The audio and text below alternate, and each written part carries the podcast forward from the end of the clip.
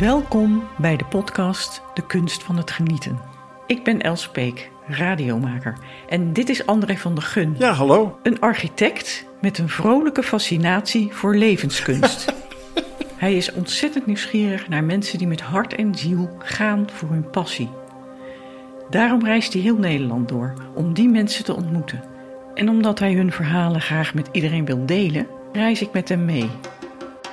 We treffen elkaar bij Bagels Beans, de vrijplaats voor koffie, bagels en geluk en sponsor van deze podcast.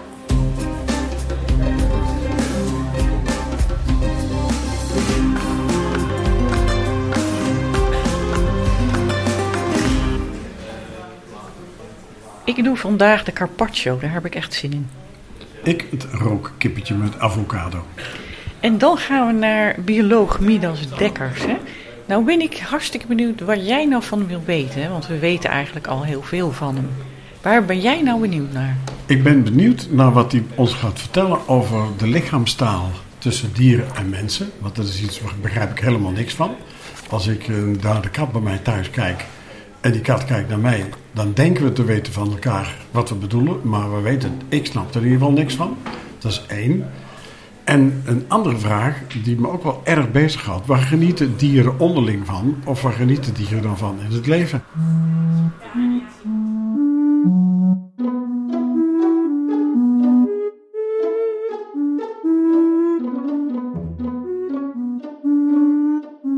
Is een basiswaarheid in de biologie dat elk dier heeft alle vermogens die hij nodig heeft om onder zijn normale omstandigheden optimaal te functioneren. En wij mensen, wij beginnen dus altijd maar weer aan dingen die we helemaal niet nodig hebben. Ik kan nooit onthouden welke uh, Griekse wijsgeer het was die op de markt rondliep en een hele markt rondgelopen. En, uh, en wat vind je van de markt? God, zei die, wat, wat zijn er toch ontzettend veel dingen die ik niet nodig heb.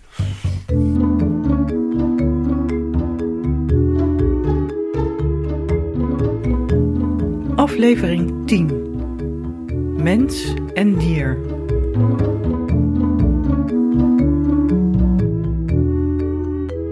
Uh, Midas, het is al een hele kunst om, uh, om te genieten voor ons als mens. Maar daarnaast kennen we de dieren toe dat ze ook genieten. Hoe weten we of een dier geniet en waarvan dan? Nou, dat is heel eenvoudig. Uh, een dier geniet als die in overeenstemming is met zijn omgeving. Uh, dieren zijn in de loop van de evolutie aangepast aan hun omgeving. En als de omgeving en het beest bij elkaar passen, dan heeft het beest het reuze naar zijn zin. Als mijn poes in zijn uh, kartonnen doos ligt, dan zijn al zijn behoeftes uh, voor dat moment uh, vervuld. En dan is hij door en door gelukkig. Totdat op een of andere manier die uh, omgeving verstoord wordt. het zij de uitwendige omgeving dat je, ze, dat je hem zijn doos afpakt. Wat natuurlijk ongehoord gemene rotstreek is. Het zij door zijn inwendige omgeving dat hij honger krijgt of dat hij moet pissen of poepen. En ja, dan moet hij, dan moet hij zijn doos uit. Dus uh, in het geval van de poes is een, uh, heb je aan een doos en een horloge genoeg om zijn geluk uh, te determineren. Waar heb je dat horloge dan voor nodig? Om te weten hoe lang die erover doet om na de laatste pisbeurt weer te gaan pissen, ondanks het feit dat hij daarvoor zijn heerlijke doos moet verlaten. Maar als ik die poes in die doos lig, dan kan ik ook het gewoon luiheid vinden. Wie, wie zegt mij dat die op dat moment geniet? Ja, wij, wij noemen dat luiheid, omdat uh, wij mensen zijn bijna voortdurend niet in evenwicht met onze omgeving. Uh, door, door de merkwaardige dingen die wij doen en die wij meestal samenvatten onder het begrip beschaving. Uh, zijn we voortdurend onaangepast aan onze omgeving. Ondanks het feit dat we die hele omgeving geprobeerd hebben naar onze hand te zetten. Door steden te bouwen en huizen te bouwen en uh, kachels uh, uit te vinden. Maar wij zijn voortdurend in onvrede met onze omgeving. En dan moeten we iets gaan doen. En iemand die wel in vrede is met zijn omgeving en die dus niets doet. Dat noemen wij dus een, lui, een luiwammers. dat, het, meest jaloersmakende van een poes is dat hij zomers niet eens een doos nodig heeft. Als een poes gelukkig wil zijn dan gaat hij op de vensterbank in de zon liggen. En dan blijft hij net zo lang liggen tot hij gewoon van, van, van slaperigheid van de vensterbank afdondert. Uh, en in plaats van dat wij dat nou als het hoogst bereikbare goed zien en de poes als de, de top van de schepping beschouwen, uh, vinden wij dat iemand die de hele dag in de vensterbank ligt, uh, Oblomov, dat, dat vinden wij een, een, schande. Handen uit de mouwen, nieuwe horizon te ontdekken, erop uit, ferme jongens in de pas, paden op, planen in, uit, weet ik veel. Dieren hebben dat niet. Nee, nee, nee. Als, als, een, als je een chimpansee-troep hebt die zijn dus eh, een, een, een, groot deel van de dag bezig om, laten we voor het gemak maar zeggen, bananen eh, te plukken en op te eten. Maar als ze genoeg bananen op hebben, dan gaan ze op een luie grens zitten en zijn ze er met geen mogelijkheid meer vanaf te krijgen. Tenzij om ruzie te maken of te neuken. Maar verder kunnen ze urenlang gewoon niks, niks. Waarom zou je iets doen als je niks kan doen? Nou ja, wij mensen, wat je al aangeeft, ze zitten natuurlijk anders in elkaar. Wij vinden dat we constant van alles moeten gaan doen. Ja, nou, en kijk eens om je heen wat daarvan komt. De, de, meeste dingen in deze wereld, denk ik, hadden de mensen maar wat langer de handen in de mouwen gehouden. Waar, waar zijn mouwen voor? uh, het beste kledingstuk wat, uh, wat we ooit hebben uitgevonden. Zolang je daar de handen maar in laat. Ja, mensen steken de handen uit de mouwen, dan gaan ze een, een gracht graven in Amsterdam. En dan een, eh, een halve eeuw later uh, gooien ze die gracht weer dicht. En dan weer een halve eeuw later graven ze hem weer open. Uh, je hebt mensen die, die zijn zo dom om met elkaar te gaan trouwen. En dan moeten ze, een paar jaar later moeten ze weer scheiden. Er is, aan elke scheiding is, is een huwelijk vooraf gegaan. zouden de mensen 90% minder doen, de mensen zouden gelukkiger zijn en de wereld zou er beter aan toe zijn. Daar ben ik van overtuigd. Maar dieren die accepteren dat ook van elkaar. Ik bedoel, als, als je een hond in huis hebt lopen en er ligt een kat in de vensterbank, die, die lopen elkaar niet in de weg. Er zit natuurlijk wel een schakelen. En een hond is wel een goed voorbeeld.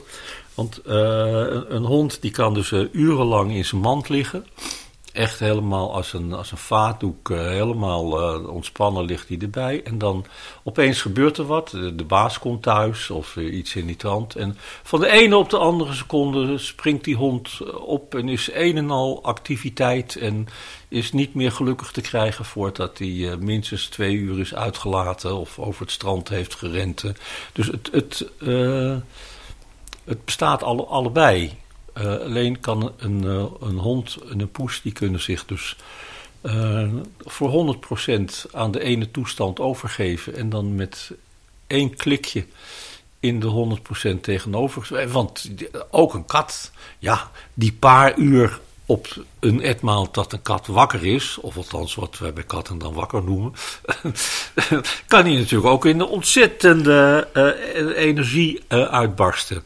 Maar bij katten uh, is het grote voordeel dat ze dat over het leven verdeeld hebben. als een poes uh, de, de, eerste anderhalf jaar van zijn leven. Dan is een poes een en al activiteit. Dan klimt hij in de gordijnen. Dan moet hij per se weten wat er boven op de kat zit. Dan vliegt hij achter, echt, eh, achter elk balletje aan.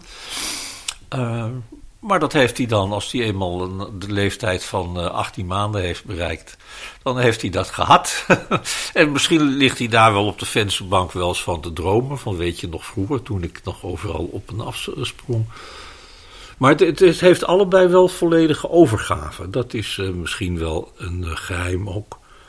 Uh, zo in rust geeft hij zich helemaal over aan de rust. En als hij actief is, geeft hij zich helemaal over aan die activiteit. Waarbij poezen, poezen boven honden het grote voordeel hebben dat uh, poezen uh, een heel slecht uithoudingsvermogen hebben. Dus na een paar minuten volle activiteit. een poes zal ook nooit achter een prooi aanrennen. Ja, twee sprongen misschien. Maar die ligt in hinderlaag. Dan spant hij al zijn spieren, is een en al concentratie. Springt bovenop die muis of ernaast. En in beide gevallen is het daarna afgelopen wat die poes betreft. Terwijl zo'n hond, die gaat daar eh, de, de halve dag achteraan uh, rennen. En ja, wij mensen zouden inderdaad wat meer van poezen kunnen leren en wat minder honden na moeten doen.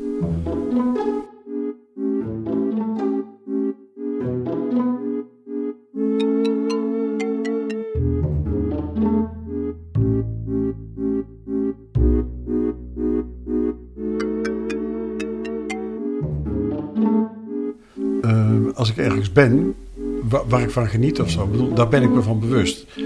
Hoe gaat dat bij dieren? Want hebben die dan een vorm van eigen bewustzijn? Dat? Over het bewustzijn van de meeste van mijn medemensen durf ik al nauwelijks een uitspraak te doen. Of dat al dan niet aanwezig is. Laat staan dat ik dat van paarden, watervlooien of eh, pissebedden zou weten. Wat ik wel weet is dat bewustzijn voor het geluk een geheel overbodige eigenschap is.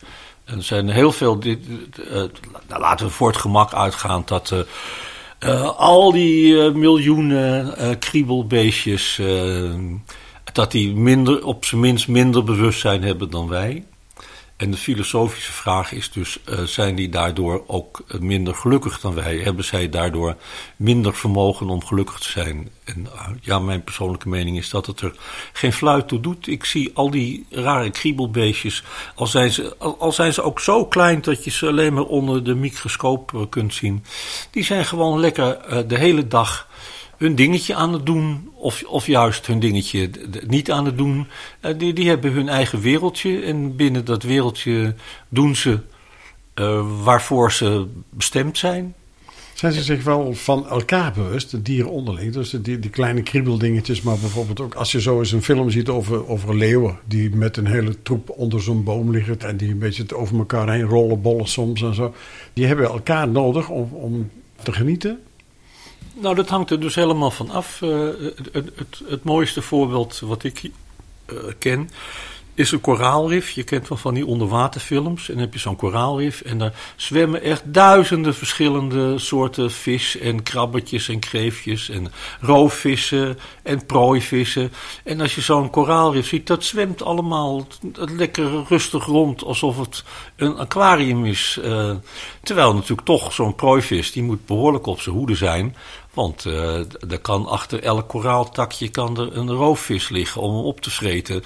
En zelf eh, vreet hij natuurlijk eh, garnaaltjes en god mag weten wat. En toch ziet het er zo intens vredig ziet dat eruit. Dat komt omdat die beesten heel goed weten welke beesten ze wel op moeten letten. Welke beesten wel betekenis hebben. En alle beesten waar ze geen gevaar van te duchten hebben, of die ze zelf niet te pakken kunnen krijgen, die hebben gewoon geen betekenis voor ze. Net, net als eh, wanneer wij eh, rondlopen en eh, alle mogelijke geluiden horen in de stad. En 98% van die geluiden die dringen niet eens tot je door. Die hebben geen betekenis voor je. Maar als er opeens een auto heel hard achter je toetert, dan kom je opeens je hele mechaniek in, in beweging. Dus die beesten die eh, maken ontzettend onderscheid tussen eh, zinvolle signalen en zinloze. Eh, het beste voorbeeld is natuurlijk dat 10, 11 maanden per jaar zelfs de meeste soortgenoten eh, geen enkele betekenis eh, voor ze hebben. Tot de paartijd uitbreekt. En dan opeens is het zien van een eh, soortgenoot eh, echt een bron van grote opwinding. Vooral als die van het tegenovergestelde geslacht eh, eh, blijkt te zijn. Maar God zij geloofd en geprezen na de paartijd. Dan verdwijnen al die hormonen weer uit dat lichaam. En dan kunnen ze weer gewoon rondlopen en rondzwemmen. zonder zich ook maar iets van de buurvrouw of de buurman aan te hoeven trekken. Geeft rust. Ja, ja, ja. dus in de, in de natuur spannen de dieren zich alleen in als dat om een of andere reden nodig is. Maar bijna alle andere inspanning is overbodig. Dus aan, aan sport of zo zul je dieren echt. daar kun je ze nooit op betrappen, geen seconde. Maar op het strand, waar heel veel honden lopen tegenwoordig, los, rennen, dollen met elkaar. Dat is natuurlijk niet de vorm van sporten. Maar dan hebben ze het allemaal wel erg dol met elkaar. Tenminste, dan denk ik dat ze van elkaar maar, genieten. ja, maar- oh ja, maar dan noem je ook een speciaal geval. De, de hond is een sociale diersoort. En eh, ja, sociale diersoort eh, zijn, dat is, een, dat is een vloek. Waarmee gelukkig maar heel weinig diersoorten eh, behept zijn. Het bekendste voorbeeld is de mens. Het op één na bekendste voorbeeld is de hond. Honden die zijn inderdaad elke seconde van. heb ik het natuurlijk over hun voorvaderen, de wolven. Eh, wolven zijn echt elke seconde van de dag van elkaar afhankelijk. Die zijn zich de hele dag bewust van de rang die zij bekleden En de hielen die zij moeten likken en de ondergeschikte die zij kunnen koeieneren. En die moeten de hele dag moeten ze kiezen. Ehm, zal ik mij nu opstellen als een sociaal dier, zodat ik kan genieten van alle geneugten die de troep mij heeft te bieden? Of zal ik mij als de kleine egoïst opstellen, die ik eigenlijk diep in mijn hart uh, ben? Jullie zijn mensen, dus jullie, uh, jullie kennen het dilemma. De hele dag, bij elke ontmoeting weer moet je je afvragen, moet ik die groeten? Kan ik daar met een boogje omheen lopen? Kan ik die een poot uitdraaien? Moet ik juist zijn, uh, zijn, uh, zijn kont kussen? Het, vreselijk, het, buitengewoon vermoeiend. En een van de hoofdoorzaken waarom mensen zo'n last hebben met gelukkig zijn.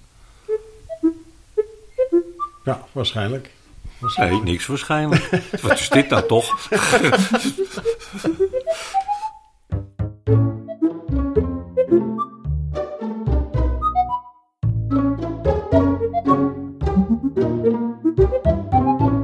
wij mensen denken hoe dieren genieten. Ik zie dan bijvoorbeeld uh, paarden in de wei staan, zeker in dit seizoen, de herfst. En dan zie ik zo van die dampende, natte dekens op hun lijf. En dan denk ik, wij maken dus uit dat dat paard dat prettig vindt. Maar is dat zo? Hoe weten wij nou dat dat paard dat prettig vindt? Nou ja, dat is een van de, een van de moeilijkste opgaven uh, als je dieren houdt. Om hè, dus de, de meeste mensen die doen hun best om het die dieren zo goed mogelijk naar de zin uh, te maken. En dat, dat valt niet mee. Dat gaat, uh, heel vaak gaat dat fout. Dus dan heb je mensen die hun honden uh, menen lief te hebben door ze allemaal lekkere hapjes toe te stoppen. Net zolang tot de pootjes aan de zijkant van het lichaam staan in plaats van uh, de onder. Je hebt uh, mensen die houden een paard in, in, in, een weiland en die denken dat dat paard gelukkig is, want die heeft al, allemaal lekker gras en mooie, mooi nieuw prikkeldraad gekregen. Maar die beseffen niet dat een paard een sociaal dier is die in zijn eentje echt verkommert ik, ik, zie zo vaak paarden in hun eentje in de wei staan. Dat ik denk, wat zijn jullie voor achterlijke uh, idioten? Of, of ook alweer een probleem van de sociale diersoort. Een hond die uitgelaten wordt. Die wil niets liever dan met andere honden communiceren. En wat zie ik als ik uit mijn raam kijk? Zie ik altijd zo'n hond die wordt uitgelaten. Die mag dan één seconde aan een ander hondje, wat ook uitgelaten wordt, snuffelen. En dan worden die beesten weer uit elkaar getrokken. Dat is werkelijk de, de, ergste dierenmishandeling die er, uh, die er bestaat. Uh, dus de meeste mensen uh, die willen wel ontzettend aardig zijn voor hun dieren. Maar die bereiken daarmee juist het tegendeel. En dat komt voornamelijk door het gebrek aan spraak bij dieren. Als ik heel veel van jou hou, dan kan ik dat uiten. Dan zeg ik: Ik hou van jou. En kijk jou daarbij indringend aan. En dan uh, kijk jij mij indringend terug. En denk je, aardige gozer is dat toch. Ik, uh, ik, ik, ik, hou wel van hem. Ja, dat is wel een mooie gozer. Maar bij dieren kun je dat niet zeggen. En de meeste zoogdieren, want daar hebben we het over, die communiceren met de reuk. Alles gaat via reuksignalen. Dus daarom snuffelen die honden altijd aan vers bepiste lantaarnpalen. Maar dat geldt niet alleen voor honden alle zoogdieren communiceren uh, louter met de reuk. Alleen de mens, die was ooit een aap en die uh, heeft zijn reukvermogen, net als de andere apen, grotendeels ingeruild voor een gezichtsvermogen, omdat die uh, zo lang in het oerwoud in de bomen heeft geleefd. En als jij in de bomen voornamelijk met je neus kijkt, in plaats van met je ogen, en je springt wild heen en weer van tak naar tak en van boom naar boom, dan lig je binnen de kortste keren beneden. Dus wij mensen, wij communiceren verschrikkelijk slecht. Omdat ons reukvermogen, dat, is, dat hebben we verloren. En ons gezichtsvermogen, dat, dat is de zaak aan het overnemen, maar is nog lang niet zo goed als het uh, gezichtsvermogen van, van een uh, roofvogel bijvoorbeeld. Dus wij behelpen ons met taal. En uh, nou, dat, dat hebben we inmiddels heel goed geleerd. Hè. Beter dan welke diersoort ook, dat is absoluut waar. Dus de, dankzij onze taal kunnen wij ons sociale gedrag uh, vertonen. Maar zo gauw als wij met een hamster zitten opgescheept... je kan tegen die hamster lullen wat je wil... Maar dat schiet niet op. dus dus bij gebrek aan goed gesprek voeren we het beestje dan maar. Want voeren is, is een, een primitieve soort van communicatie. Van, als ik de eentjes voer. Hè, waarom is eentjes voeren zo leuk? Omdat je als het ware met spraat, jij gooit een stukje brood in het water en waps, daar komen ze al aan. Snater, snater, snater, snater, snater, snater. Dus je vroeg al eerder van hoe kan je nou zien of een dier gelukkig is? Wij menen aan die eenden te zien dat zij gelukkig zijn. Snater, snater, snater, broodje, broodje, broodje. Ook al weten wij, want dat hebben wij wel eens in de libellen gelezen, dat al dat broodvoeren voor al die eenden op de lange duur helemaal niet goed is. Maar die blijdschap van dat beestje, als die zijn kortstondig gelukje uh, int door ons brood op te eten. Ja, dat is. Uh... Dus al die honden die we ook op straat zien met bijna obesitas, dat doen we dan niet goed. Nee, maar dat is louter liefde wat je ziet. Dat, dat is echt 20 kilo liefde die daar voorbij komt uh, shocken. Maar aaien dan? Dat is toch ook, de mens aait een kat of een hond? Ja, dat is, dat is dus al veel beter. Want uh, wolven en vooral poezen, uh, die likken elkaar dus heel veel. Het, het, is de belangrijkste vorm van sociaal contact bij poezen. En hoe komt dat? Omdat poezen, die likken hun jongen. En om ze schoon te uh, houden. En om de darmwerking te stimuleren. En om het contact tussen moeder en jonge, jonge katjes uh, te handhaven. Dus een poes die vindt het heerlijk om gelikt te worden.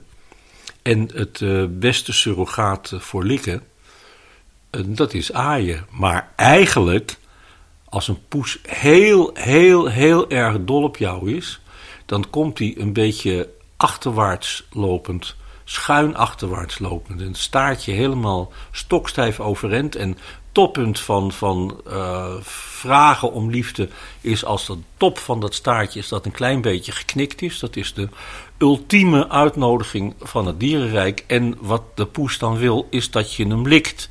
Daar, onder die staart. Dat, dat, is, dat is zijn bedoeling. En in plaats daarvan krijgt hij, eh, wordt hij weer afgescheept met het surrogaat daarvan. Wordt hij weer geaaid waarmee hij dan, ja, ja dat is, second best, uh, daar neemt hij genoegen mee. Maar eigenlijk wil hij uh, gelikt worden door een zo ruw mogelijk uh, tongetje. Misverstand. Ja, zo zijn er eigenlijk dan veel misverstanden in die communicatie met dieren ja, de, en ons. Ja, de, de hele dierenliefde is berust op één groot misverstand. Die poes die denkt dat wij een ook een poes zijn.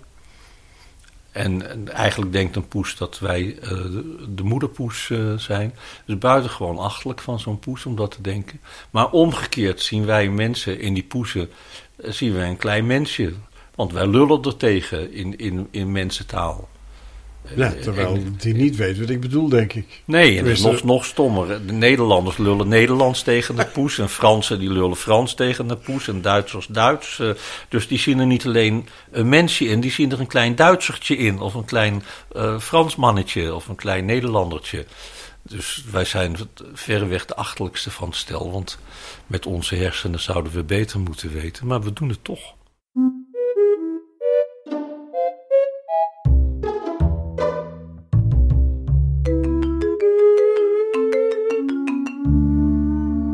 Als ik dus bij mij thuis zit, ik zit aan tafel en dan zit die kat naast mij op de grond en die kijkt mij aan en ik kijk die kat aan. Ik weet niet wat haar beweegt daar te gaan zitten en zij weet niet waarom ik hier zit. We, hebben, we verstaan elkaar niet. We houden wel van elkaar, want ze komt wel naar me toe. Nou, dat heb je goed gezien. Dus zover zijn we al. A, hij komt naar je toe. Dat is één ding. Dus jij hebt op dat moment betekenis voor die poes. Anders dan zou die niet naar je toe komen. En dat, dat wij met honden en poezen uh, beter om kunnen gaan dan met andere dieren, is precies wat jij zegt. Hij kijkt jou aan. En de meeste dieren kunnen dat niet. Bij bijna alle zoogdieren zitten de ogen aan de zijkant van het hoofd. Het is onmogelijk om een konijn in beide ogen tegelijkertijd te zien. Daar, word je scheel en stapeldol van. Vandaar dat dat konijn uiteindelijk ook uh, in de keuken belandt. Uh. Maar een poes en een hond, die, die kijk je aan. Omdat het een roofdier is, staan ze allebei zijn ogen aan de voorkant. Dan kun je stereoscopisch uh, zien. Nou, en wij mensen, wij hebben onze ogen aan de voorkant... omdat wij vroeger onze sprongen in de bomen moesten kunnen berekenen. En uh, elkaar aankijken. Uh, maar je hebt contact. Contact is gelegd. Alleen ja, wat nu?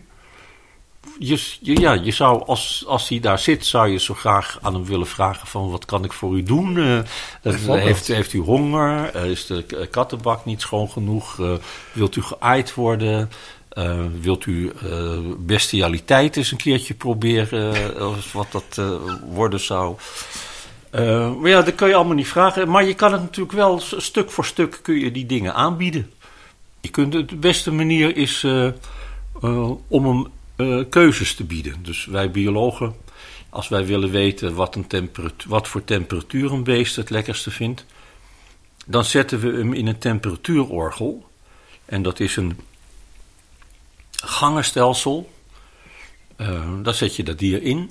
En in elke gang heerst een andere temperatuur.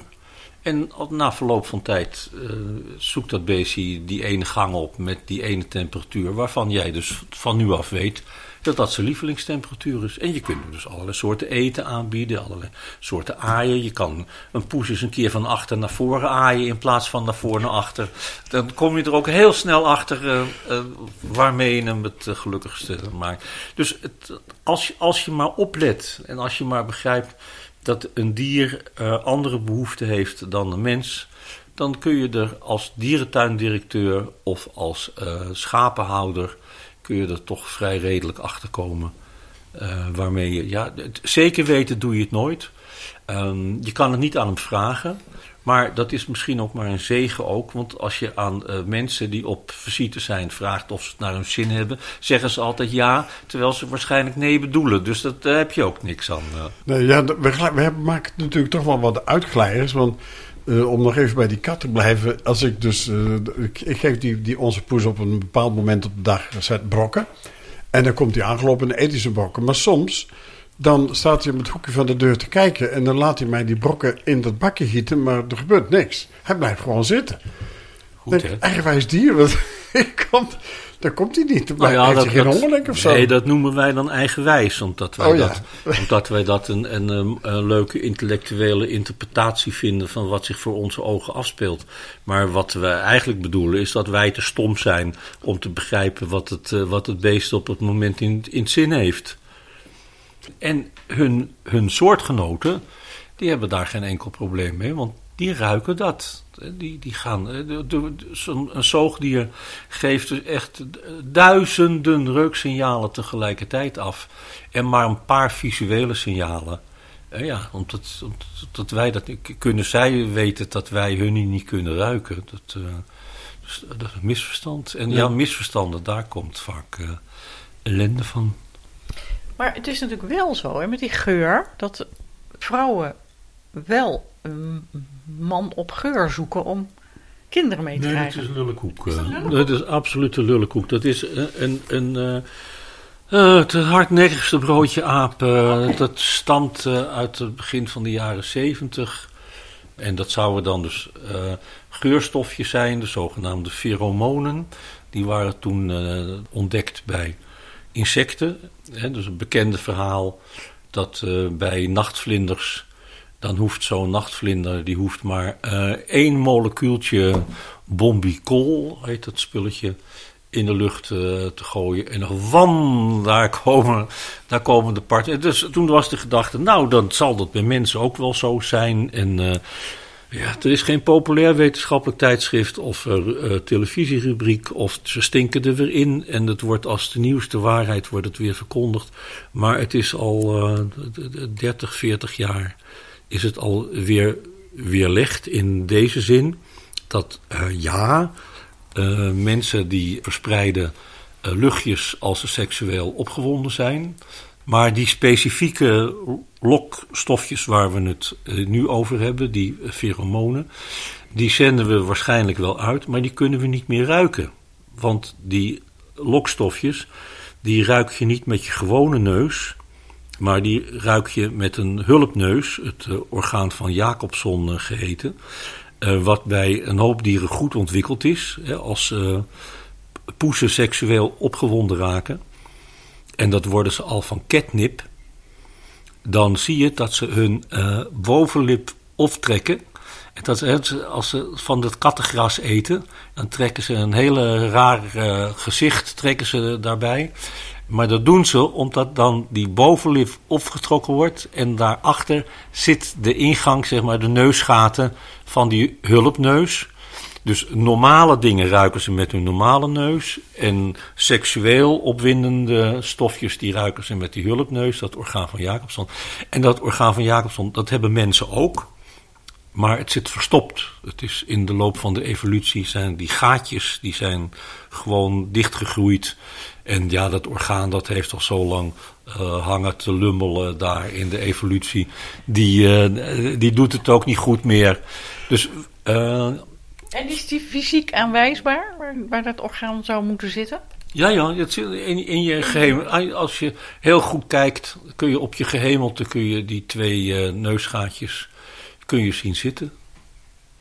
Rudimentair orgaan, zoals dat heet, net als een blinde darm. Een orgaan wat niet meer gebruikt wordt en daardoor uh, aan het verdwijnen is of uh, al verdwenen is. En uh, die parfumfabrikanten, die houden die fabel dus in leven. Want die beweren dan dat in hun parfum dat daar die lokstoffen in zitten en dat het dus alle reden heeft om daar 50 maal zoveel voor te betalen als dat strikt genomen nodig zou zijn. Eh.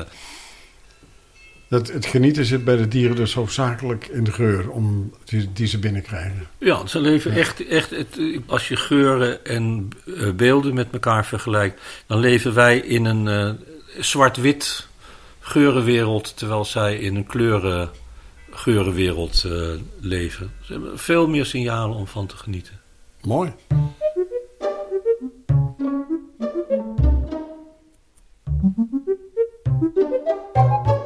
Er zijn betrekkelijk weinig dieren eigenlijk in het hele dierenrijk waar we iets mee hebben. We ja. hebben nu over de hond en de kat. Sommige mensen kanarie. Verder dan 25 kom je niet. Uh. Nee, terwijl er natuurlijk veel meer zijn ja, die zijn... gewoon uh, bestaan zonder dat we dat zij, zich, dat, dat zij weten wie wij zijn of dat we er überhaupt bestaan. Nou ja, die, beesten, die beesten hebben dan ook geen betekenis voor ons.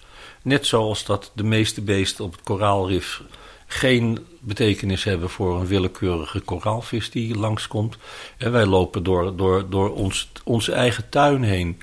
Daar zitten honderden, met een beetje mazzel, duizenden dier- en plantensoorten zitten daar.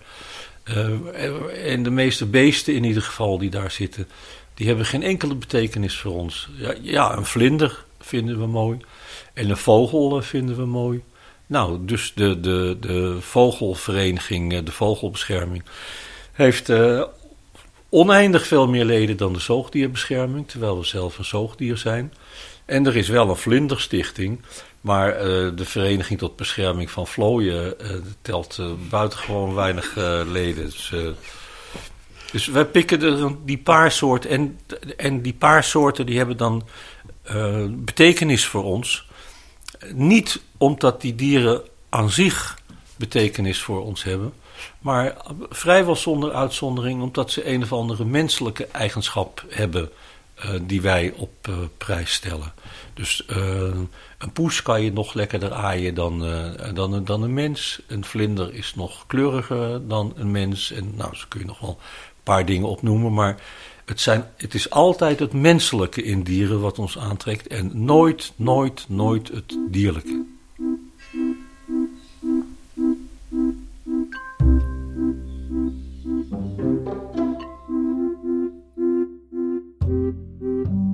Dit was de tiende aflevering van de eerste serie De Kunst van het Genieten. Sounddesign en eindafwerking Jan-Paul de Bond. Een volgende serie is in voorbereiding. Tot later!